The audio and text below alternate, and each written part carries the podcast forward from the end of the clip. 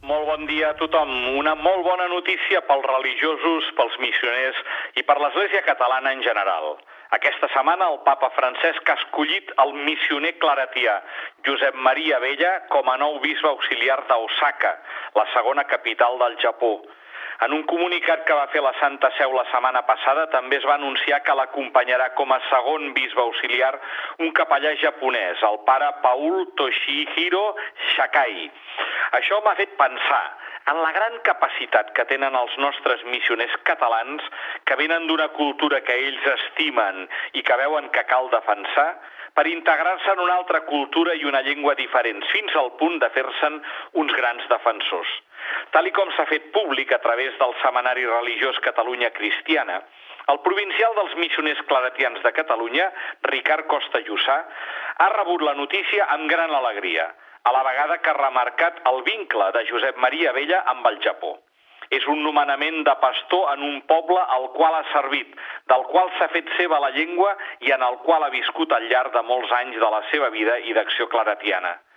Recordem que el nou bisbe Josep Maria Vella, després de completar els seus estudis de filosofia i teologia a la Facultat de la Companyia de Jesús a Sant Cugat del Vallès, va ser destinat al Japó.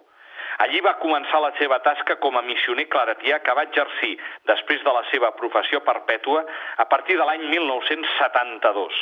Pocs anys després, el 1975, va ser ordenat com a prevera i va estar com a coadjutor a la parròquia de Midoragikawa. La seva trajectòria el va portar a ser rector de diverses parròquies japoneses que el van anar arrelant a poc a poc al país i a la cultura nipona.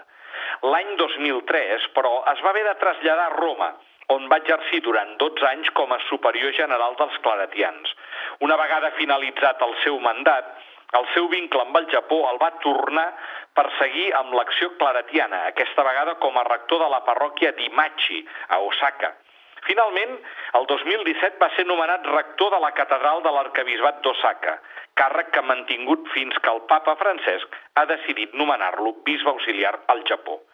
Ara, com a nou bisbe auxiliar d'Osaka, podrà continuar servint un país que, com ha explicat Ricard Costa Jussà, ja sí ha arrelat com a missioner català.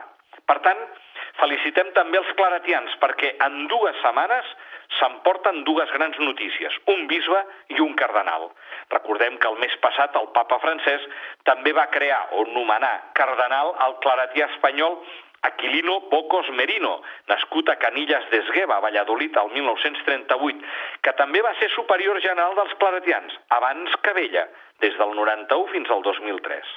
Per acabar, recomano molt el vídeo del papa francès d'aquest mes de juny, on el papa crida a fer de les xarxes socials un espai que sigui una oportunitat de trobada i solidaritat, però també adverteix que s'han d'utilitzar respectant la dignitat dels altres.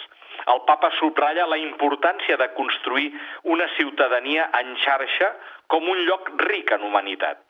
Demanem junts perquè les xarxes socials no anulin la pròpia personalitat, diu el papa, sinó que afavoreixin la solidaritat i el respecte de l'altre en les seves diferències. Internet és un do de Déu, però també és una gran responsabilitat. Recordem que al món actualment hi ha 3.196 bilions d'usuaris actius a les xarxes socials, que representen el 42% de la població mundial. Entre les regions on tenen una major penetració es destaquen Amèrica del Nord, amb un 70% d'usuaris actius respecte a la població.